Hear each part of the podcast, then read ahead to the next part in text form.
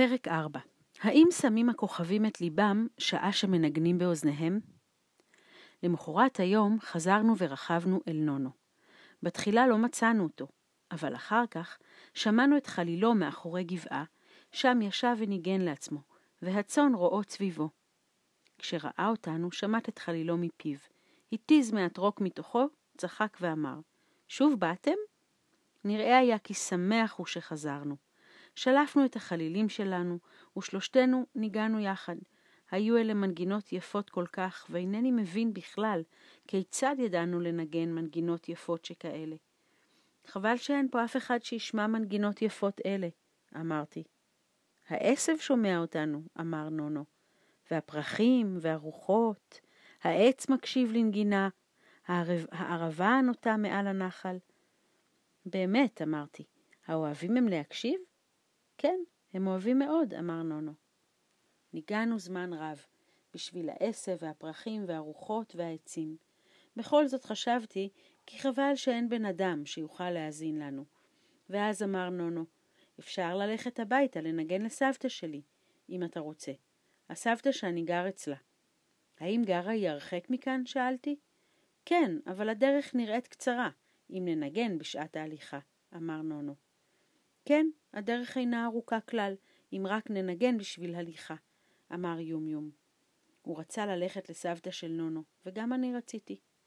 בסיפורי אגדה יש תמיד מיני סבתות זקנות טובות, כאלה, אבל אף פעם לא פגשתי סבתא חיה אמיתית. אם כן, יש בוודאי די הרבה סבתות, ולכן סברתי שכדאי ללכת ולבקר אצל סבתא של נונו. את כל הטלאים והכבשים של נונו היינו צריכים לקחת איתנו, ואת מירמיס, וכך היינו לשיירה של ממש.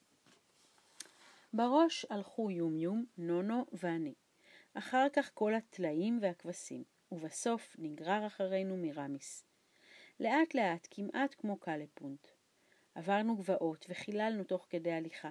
הטלאים התפלאו ודאי לאן הולכים, אבל אין ספק שנהנו, כי פעו וקיפצו סביבנו כל הזמן.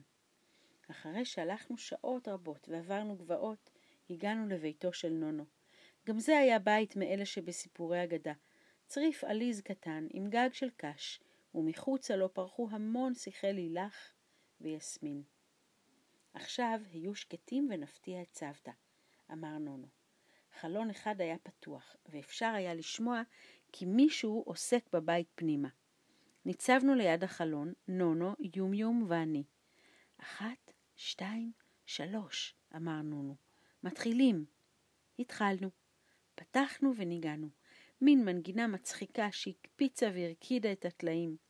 ואל החלון ניגשה זקנה שנראתה כל כך נחמדה. זו הייתה סבתא של נונו, והיא ספקה כף אל כף ואמרה, האח, איזו נגינה נפלאה. ניגענו בשבילה הרבה זמן, והיא עמדה במשך כל הזמן ליד החלון והקשיבה. היא הייתה כל כך זקנה, ויחד עם זאת נראתה כל כך אגדית, אם כי הייתה סבתא חיה, אמיתית. אחר כך נכנסנו לצריף. סבתא של נונו שאלה אם אנחנו רעבים, ואומנם רעבים היינו. אז לקחה כיכר לחם, ופרסה פרוסות עבות, ונתנה לנו. זה היה לחם חום ופריך, והיה זה הלחם הטוב ביותר שאכלתי בכל ימי חיי. האח, זה טעים, אמרתי לנונו. איזה מין לחם זה? אינני יודע אם זה לחם מיוחד, אמר נונו. אנחנו קוראים לו לחם המשביע רעב. גם מרמיס רצה לאכול איתנו. הוא ניגש והכניס את ראשו מבעד לחלון הפתוח וצהל. קצת צחקנו עליו. כן, הוא נראה כל כך מגוחך. אבל סבתא של נונו ליטפה את האף, וגם הוא קיבל מן הלחם הטוב הזה. אחר כך הייתי צמא, וכשאמרתי לנונו, אמר לי, בוא איתי. הוא הוציא אותנו לגן, ושם נבע מעיין זך. נונו שלשל דלי עץ למעיין ודלה מים, ואנחנו שתינו מן הדלי. אלו היו המים הצוננים והטעימים ביותר שטעמתי בכל ימי חיי. אה, זה היה טוב, אמרתי לנונו. איזה מין מעיין הוא זה? אינני יודע אם זה מעיין מיוחד, אמר נונו. אנחנו קוראים לו מעיין המרווה את הצמא. גם מרמיס היה צמא, וגם אותו השקנו מים, וכן את הטלאים ואת הכבשים.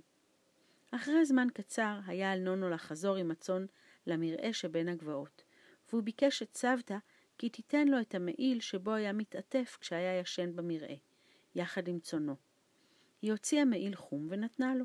חשבתי לנפשי כי נונו באמת בר מזל, שמותר לו לישון בחוץ על הקרקע. לדבר כזה לא זכיתי אף פעם. בנקה וההורים שלו היו לפעמים יוצאים לטיול באופניים ומקימים להם אוהל בחוץ. הם היו מקימים מחנה באיזה מדרון יפה ביער, והיו איתם שקי שינה שבתוכם היו שוכבים בלילות. בנקה היה אומר כי אין לך דבר נעים יותר, ואני האמנתי לו בהחלט. הלוואי וגם אני יכולתי פעם לישון בחוץ, אמרתי לנונו. מדוע לא? אמר נונו, בוא איתי. לא, אמרתי, אבי המלך ידאג לי אם אינני חוזר הביתה. אני יכולה ללכת לאדוננו המלך ולהגיד לו שאתה ישן בחוץ הלילה, אמרה סבתא של נונו. וגם לאבא שלי, אמר יום יום. גם לנגן הורדים, אמרה סבתא של נונו. יום יום ואני כל כך שמחנו, עד שקפצנו ודילגנו כמו טלאים. אבל סבתא של נונו ראתה שאנחנו לבושים רק חולצות קצרות לבנות, ואמרה, כשירד הטל יהיה לכם קר. ופתאום נראתה עצובה, ואמרה בקול שקט שקט, יש לי עוד שני מעילים. היא ניגשה אל ארגז ישן שניצב בפינת החדר, והוציאה מתוכו שני מעילים, האחד אדום, והשני כחול.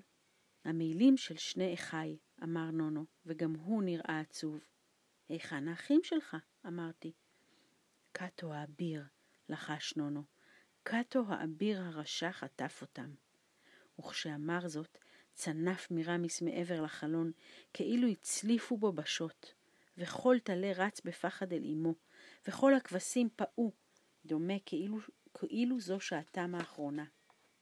אבל סבתא של נונו נתנה לי את המעיל האדום, ואת הכחול נתנה ליומיום, ולנונו נתנה כיכר לחם המשביע רעב, וחד מים מן המעיין המרווה צמא, וכך חזרנו יחד דרך הגבעות, בה בדרך שעברנו קודם לכן.